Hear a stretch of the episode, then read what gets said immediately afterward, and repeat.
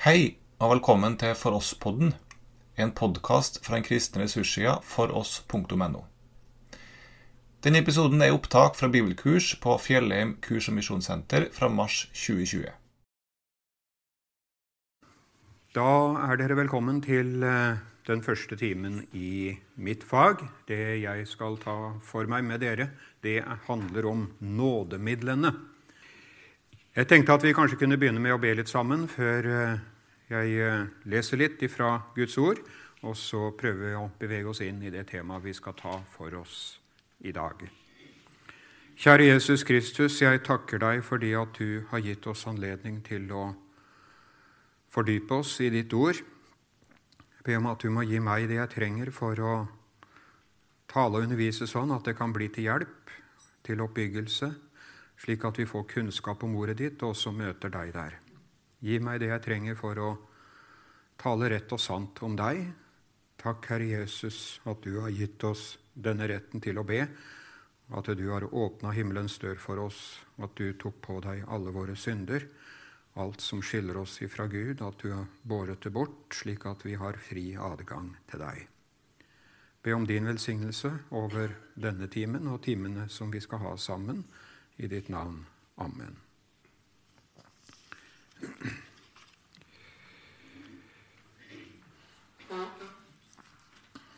Jeg har eh, tenkt at jeg kunne lese et bibelord innledningsvis. Eh, men det jeg skal ta for meg, er jo mer sånn tematisk, eh, altså om nådemidlene. Men det kan være greit likevel også starte med et ord. Og jeg har tenkt mye på det som står i 1. Korinterbrev, kapittel 2. Det kommer jeg nok til å vende litt tilbake til sånn underveis mens vi tar for oss de forskjellige sidene ved nådemidlene. Uh, dere vil forstå det litt etter hvert, hvorfor jeg gjør det. Men uh, der tenkte jeg at vi kunne lese fra vers 6 og ned til vers 13. Likevel, visdom taler vi blant de fullkomne, men det er en visdom som ikke hører denne verden til, eller denne verdens herrer, de som går til grunne.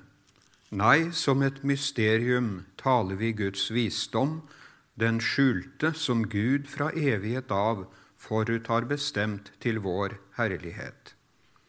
Denne visdom kjente ingen av denne verdens herrer, for hadde de kjent den, da hadde de ikke korsfestet herlighetens Herre.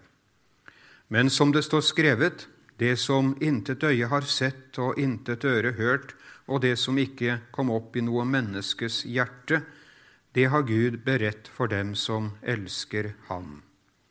Men for oss har Gud åpenbart det ved sin ånd. For Ånden utforsker alle ting, også dybdene i Gud. For hvem blant mennesker vet hva som bor i et menneske uten menneskets egen ånd som er i ham? Slik vet heller ikke noen hva som bor i Gud uten Guds ånd. Men vi har ikke fått verdens ånd, men den ånd som er fra Gud, for at vi skal kjenne det som Gud i sin nåde har gitt oss. Og dette forkynner vi ikke med ord som menneskelig visdom har lært oss, men med ord vi har lært av Ånden. Vi tolker åndelige ting med åndelige ord. Som sagt så kom jeg litt tilbake til den bibelteksten sammen med noen andre bibeltekster. Men i denne timen så var det meningen å si litt generelt om hva nådemidlene er for noe. Og eh, da tror jeg kanskje at vi kan eh, starte litt med selve ordet nådemiddel. Det er jo ikke et ord vi finner i Bibelen, men som man har si, brukt som en betegnelse på eh, de midlene da, som Gud bruker for å gi mennesker sin nåde. Så enkelt er det egentlig. Men eh, da kan man spørre hva er det som særpreger disse midlene? Eh, hvorfor har Gud gitt dem? Vi kan si at eh, nådemidlene er det er de mediene som Gud bruker for å gi oss den frelsen som Jesus Kristus gjorde ferdig for oss for snart 2000 år siden. Eh, jeg spør av og til studentene på Fjellhaug om det, eller prøver å legge vekt på det, at, eh, at frelsesverket det ble jo fullført for, for lenge siden. Eh, det skjedde på et lite sted utenfor Jerusalem. Der fullførte Jesus vår frelse ved å dø for våre synder. Og han sto opp igjen og seiret over synden, over alle ting. Og så stiller jeg spørsmålet hvordan kan jeg vite det? Og hvordan kan jeg få del i det? Hva er det som har gjort at jeg som lever så mange år senere, har fått kjennskap til at Jesus gjorde dette for meg? Jo, det har jeg fått kjennskap til gjennom nådemidlene. Og det er gjennom nådemidlene jeg også har fått del i det. Så nådemidlene er i grunnen det er Guds armer, kan vi si, som han strekker ifra et, et historisk punkt, ikke sant, som eh, vi kaller Jesu død og oppstandelse. Han strekker sine armer ut over hele verden. Og eh, fører mennesker inn i frelsen. Og da, Det er også hensikten med nådegavene. Vi knytter læren om nådemidlene til Den hellige ånd. Det er eh, mye å si om Han, men eh, det som er Den hellige ånds oppgave, det er faktisk, som det står i Johannes evangeliet kapittel 16, å ta av det som tilhører Jesus, og forkynne det for oss, står det. Eh, Den hellige ånds oppgave er rett og slett å meddele det som Jesus gjorde for så lenge siden. Så Det er en sammenheng mellom Jesu frelsesverk og Den hellige ånds gjerning. Det er ikke alle som har det helt klart for seg hva som si, er Den hellige ånds gjerning. Men for å si det veldig kort Den hellige ånds gjerning, helt grunnleggende sett, er å gi oss del i den frelsen som Jesus fullbrakte for snart 2000 år siden. Og Derfor så knytter man Den hellige ånds gjerning til tredje trosartikkel. ikke sant? Der står det om nådemidlene, om troen, om Kirken osv. Hvis vi skal gå litt nærmere inn på hva, hva slags middel Den hellige ånd bruker, og hva, slags, hva er det som særpreger dette, dette vi kaller nådemidler, ja, så kan man stille seg sjøl et spørsmål ja, hva skal jeg hva skal jeg si da? Ehm, hva er det som kjennetegner det? Og Da får jeg begynne å prøve å skrive litt på tavla. Ehm, Den hellige ånd bruker ord. Ehm, Den hellige ånds medium, det er ord. Men Det er selvfølgelig ikke hvilke som helst ord, men det er ganske viktig likevel å, å sette en strek under at det handler om ord. De ord jeg har talt til dere, sier Jesus, er ånd og er liv. Det står i Johannes 6. Um, så ord, det er ganske enkelt det grunnleggende elementet i nådemidlene. Og eh, hva betyr det for oss egentlig? Jo, det betyr at eh, jeg eh, forholder meg til nådemidlene ved mine øyne og med mine ører. Så enkelt er det. Gud har faktisk valgt å knytte nåden til ord. Så jeg hører, jeg leser, og jeg hører. Og det står i Skriften at troen kommer ved at jeg hører. Og det står også mange steder i Skriften om at den håper å si, salig er den som leser, står det i Johannes' åpenbaring. Og Jesus taler et sted til Skal vi se om vi finner de her. Eh, ja. Altså han taler et sted til, eh, til de skriftlærde. Han sier dere gransker Skriftene og eh, dere vil likevel ikke komme til meg, som den taler om, sier han. Med det så, så sier han indirekte noe om hva som er hensikten med å lese i Skriften og å granske Skriftene. De skal føre oss til Jesus. La oss stanse litt mer ved det at det er ord. Går det an å lese dette, forresten? Jeg kanskje prøve en annen tusj her. Det var ikke helt enkelt, nei. Nei. Så står jo jeg ved sida òg, da. Ja. Ord jeg leser og hører. Eh, jeg tror vi skal være litt bevisst på det, for at eh, det innsnevrer på en måte eh, Guds, Guds måte å forholde seg til oss mennesker på. Hvis jeg tegner en trekant her, kan du si. Faderen, Sønnen og Den hellige ånd.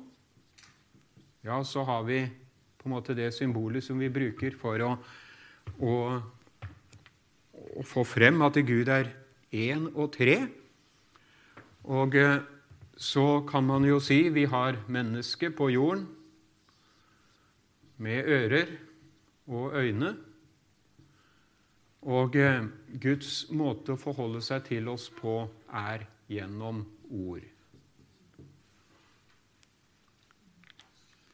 Ikke gjennom håper eh, å si, følelser, nødvendigvis. Men det er klart at ord, et gledelig budskap, skaper følelser i oss. Men det er heller ikke gjennom det at jeg søker inn i meg selv til en eller annen form for ordløs, mystisk opplevelse. Ehm, jeg kan selvfølgelig få noen tanker om Gud ved å se på naturen og sånne ting, men det blir det er forskjell mellom det og å forholde seg til Gud som en si, antagelse om at han har skapt verden osv., eller at jeg opplever eller får en fornemmelse at det fins Ja, Gud er i det skapte. Jeg får ikke noe personlig forhold til Gud ved det. Og Det kan vi jo bare tenke oss. Det forholdet som Gud vil ha med oss, det er personlig. Derfor forutsetter det språk. Ehm, tenk dere hvis dere gikk sammen her i fire uker uten å snakke med hverandre. Eh, det ville være temmelig traurig, vil jeg tro. Vi ville sett på hverandre og lurt på ja, hvor kommer vi fra, hvem er vi, hvor, ja, hvordan, hvem er nå disse menneskene som jeg går sammen med, og som jeg ikke får si et ord til. Det blir annerledes når ordene kommer. Da blir vi kjent med hverandre, og som jeg leste her i teksten hvem blant mennesker vet hva som bor i et menneske uten menneskets egen ånd, som er i ham? Slik vet heller ikke noen hva som bor i Gud uten Guds ånd. Og så står det vi har ikke fått verdens ånd, men den ånd som er fra Gud, for at vi skal kjenne det som Gud i sin nåde har gitt oss. Og dette forkynner vi. Så hvis noen skal bli kjent med deg eller med meg, ja, så må vi, må vi snakke. Da, det er bare du som veit hva som bor i ditt hjerte. Og det er ikke nødvendig å brette ut alt som er der, det er det så, men, men det er nødvendig for oss å vite hva som bor i Guds hjerte. Eh, det får vi vite gjennom ord. Og Derfor er det så viktig at, eh, at eh, en gjør det klart for seg at Gud har gjort det ganske enkelt for oss når det gjelder det å, å få innsikt i Hans nåde. Vi mennesker er jo forskjellig skrudd sammen.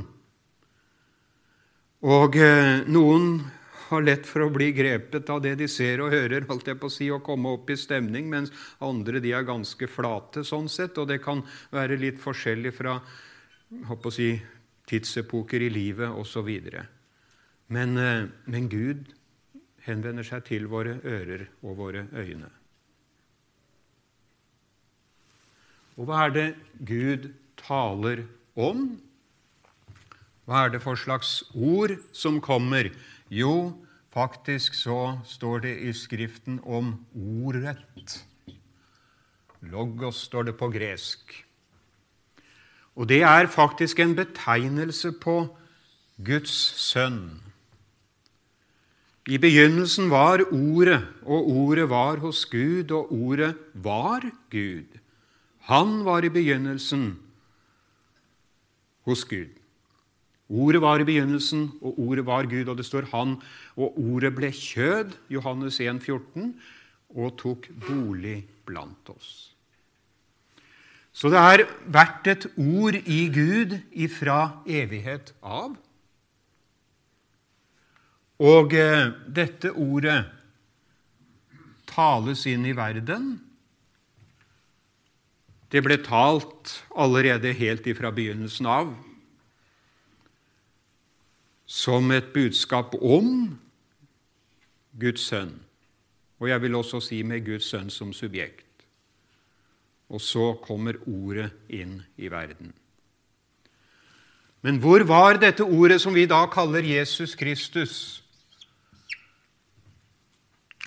Hvor var det ordet før, han, før det kom inn i verden?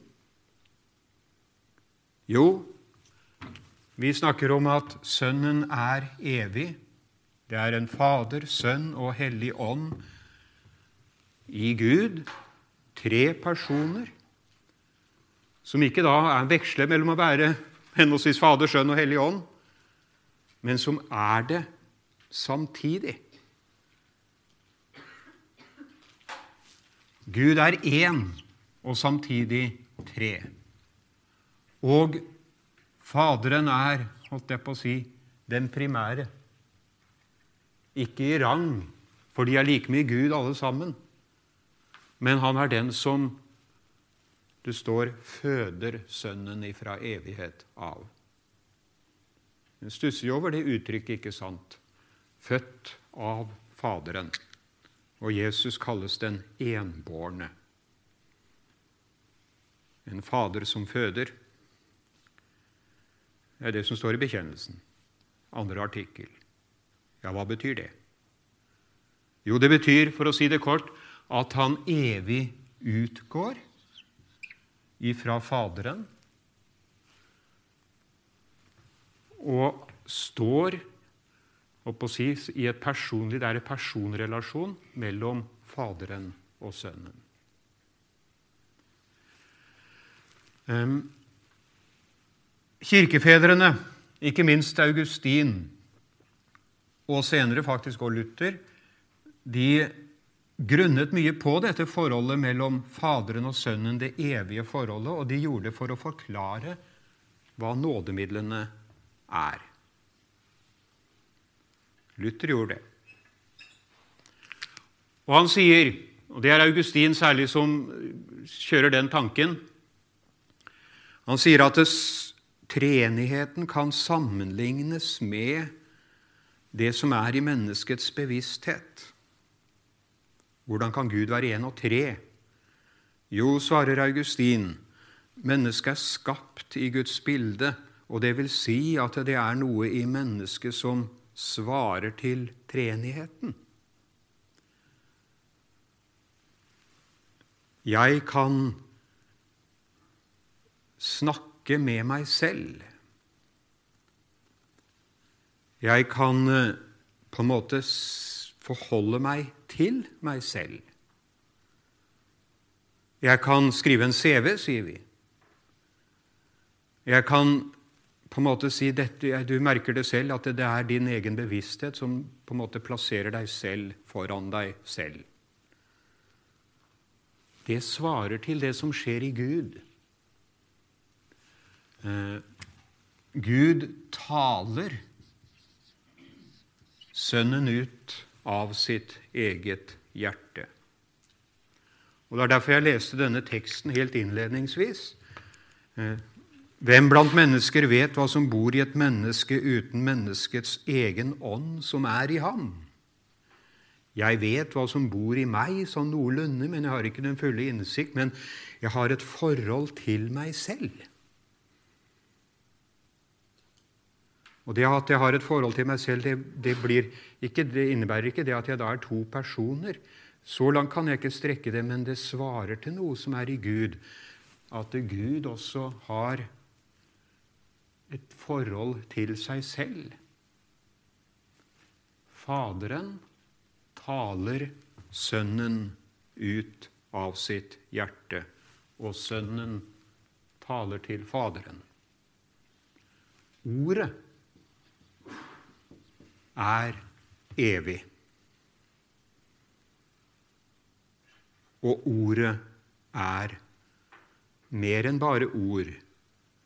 Det er en person. Og Det der er, det er, eh, si, det er ikke rart at Skriften omtaler det som et mysterium.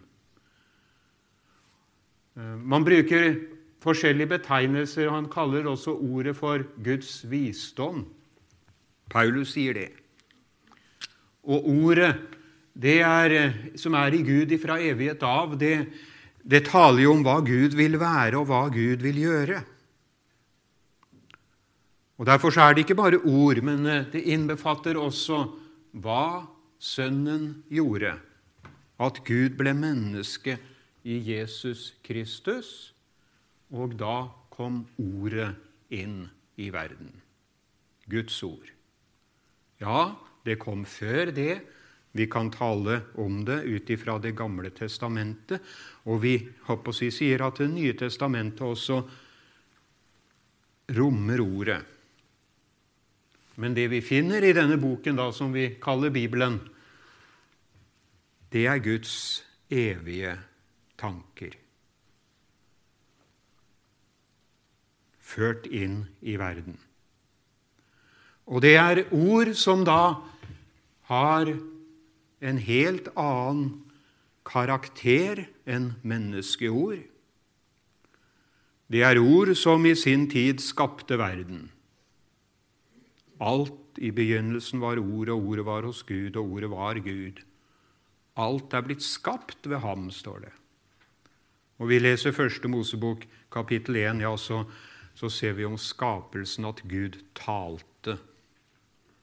Og Det har man tenkt fra oldkirkens tid. Og ikke nå i de siste århundrer, men fra oldkirkens side har man tenkt ja, det var Guds sønn. Treenigheten er tydelig allerede i første Mosebok. Guds ånd svevde over vannene. Gud talte inn i verden. Gud skapte ved ordet. Og dette ordet er det da som kommer inn i verden i Jesus Kristus. Det er et ord som bærer guddommelig kraft i seg. Og Derfor så kaller jo Paulus evangeliet for Guds kraft. Det er, ikke, det er ikke bare om noe, men det er et ord som i seg selv har en veldig kraft. Um, det her er jo en liten omvei som jeg tar nå for å, å prøve å, å, si noe om eh, nådemidlene. Men eh, jeg ønsker å forankre det faktisk i treenighetslæren og i læren om Jesus Kristus. Og så, som sagt, så har vi jo én den tredje personen i Gud, som jeg allerede nevnte, Den hellige ånd. Det er litt skummelt kanskje å bruke uttrykket roller om de tre personene i Gud, men til en viss grad så går det jo. Det svarer til bekjennelsen vi har, at vi kaller Gud Fader for Skaperen. Vi kaller Sønnen for Forløseren og Frelseren. Og vi taler om Den hellige ånd som den som formidler nåden til menneskene. Og eh, Jeg tror det er nyttig å holde fast på den skjelningen, samtidig som vi da er klar over at det som hver enkelt av de tre personene i Gud gjør, det er utført av den ene Gud. Gud er én.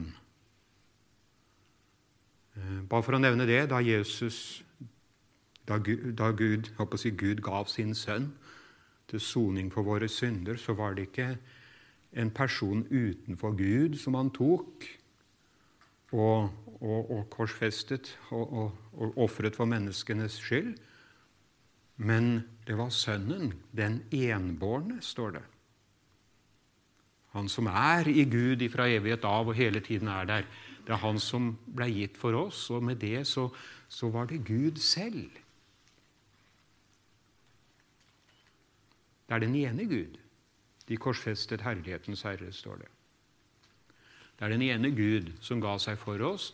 Gud møtte Gud på korset. Nok om det. Hva tenker vi om Den hellige ånd i denne sammenhengen? Var, jeg leste nylig en bok som behandlet det temaet.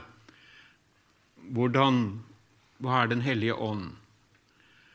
Og Han sa det at det er ikke Det er også noe man har tenkt på helt siden oldkirkens tid, at um, Den hellige ånd Det er ikke for ingenting at han kalles ånd. Han er den som gir lyd til ordene, ganske enkelt. Han er pusten. Så for at ordene skal kunne tales inn i verden, og for at Sønnen, som er identisk med Ordet, skal komme inn i verden om igjen og om igjen, holdt jeg på å si, og inn i ditt hjerte, så er det betinget av at Ånden kommer. Hvis jeg ikke hadde pust, så hadde de ikke hørt hva jeg sa. Først når jeg puster, så hører dere min tale. Men ordene mine og pusten er forskjellige ting, men de kommer ifra den samme personen. Ånden Vi kan si om han taler Guds ord inn i verden. Han setter pust på ordene. Men Ånden bærer Jesus inn gjennom si, I de ordene som, som han fører inn i verden. Og Det er veldig viktig å være klar over. Den hellige ånd sier jo det at han har kommet, hans, eller Jesus sier det, åndens oppgave er å herliggjøre meg, sier han. Han taler om meg. Og så sier Jesus samtidig som han sier jeg skal sende talsmannen til dere. Talsmannen. Han taler. Men jeg kommer til dere, sier han. Vi kan ikke løsrive Den hellige ånds gjerning ifra Sønnens gjerning og ifra Jesus Kristus. Det er ikke sånn at Jesus liksom gjør én ting, og så gjør Den hellige ånd noe annet. Men det er, en, det er et samvirke mellom de to. Nå må jeg passe tida mi litt, ser jeg. Jeg har litt tid igjen. Uh, dette er bakgrunnen for å tenke om nådemidlene. Nådemidlene er forankret i Ordet og da kan vi komme til det. Det handler om et bestemt budskap. Eh, ikke alle ord i Bibelen er nådemiddel. Det husker jeg stusset litt ved da jeg hørte det første gangen, men jeg hørte det av pålitelige folk og skjønte det at det var riktig. Vi, vi skjelner jo mellom forskjellige slags sider ved Skriften. Vi taler om lov og evangelium, f.eks. Og evangeliet det er det som handler om hva Jesus har gjort for oss for å frelse oss. Det er det som er nådemiddelet. Når eh, nåden kommer til meg, så sier det 'alt er ferdig'. Du behøver ikke streve. Alt det du trenger for å kalle deg et Guds barn, det har Jesus gjort ferdig for deg. Alt som du peker på, som skiller deg fra Gud, av ting som er synd og galt i livet ditt, det har han tatt bort. Ja, hvordan kunne jeg vite det? Hvordan kunne jeg gjette meg til det? Nei, det hadde jeg ingen anelse om før jeg hørte det, kan en si. Men det er det som er Guds Det er det Gud og Sønnen har talt om ifra evighet av, og som realisert er blitt realisert gjennom, gjennom Ordet. Så Derfor så sier vi vi leser det, vi hører det, og vi tar det til oss. Og I tillegg så får jeg da føye det til at eh, vi i eh, den lutherske lære også taler om at nådemidlene kommer til oss gjennom dåp og nattverd fordi at det evangeliet og det ordet som jeg har prøvd å beskrive her, knyttes til dåpen og nattverden. Det er ikke bare vann i dåpen, men det er ord som kommer sammen med et synlig middel. Og det er det samme ordet som vi leser og hører når vi leser om Jesus Kristus. Det er ikke bare brød og vin som kommer til oss i nattverden, men det er et ord som er effektivt fordi Jesus har innstiftet nattverden. Det kommer vi tilbake til. Så en kan si at nådemidlene på en måte kommer til oss i tre, i tre eller fire eh, former. Det kommer i, som sakrament, dåp og nattverd det kommer som rene ord som jeg enten leser eller hører. Og jeg vil begrunne det senere. Jeg liker å skille mellom Skriften og forkynnelsen som nådemiddel, selv om de er veldig like. Eh, men eh, det leselige ordet, det ordet jeg leser, det forholder jeg meg til i Skriften. Det ordet jeg hører, det forholder jeg meg til gjennom forkynnelsen. Men det er det samme ordet. Og en kan da, særlig når det gjelder forkynnelsen, ha det klart for seg vi har å gjøre med et ord som har evig kraft i seg, som er talt i den trenige Gud ifra evighet av, og som ikke har tapt sin kraft til denne dag.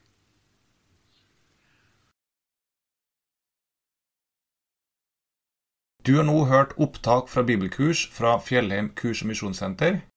Du finner mange andre opptak med undervisning på foross.no.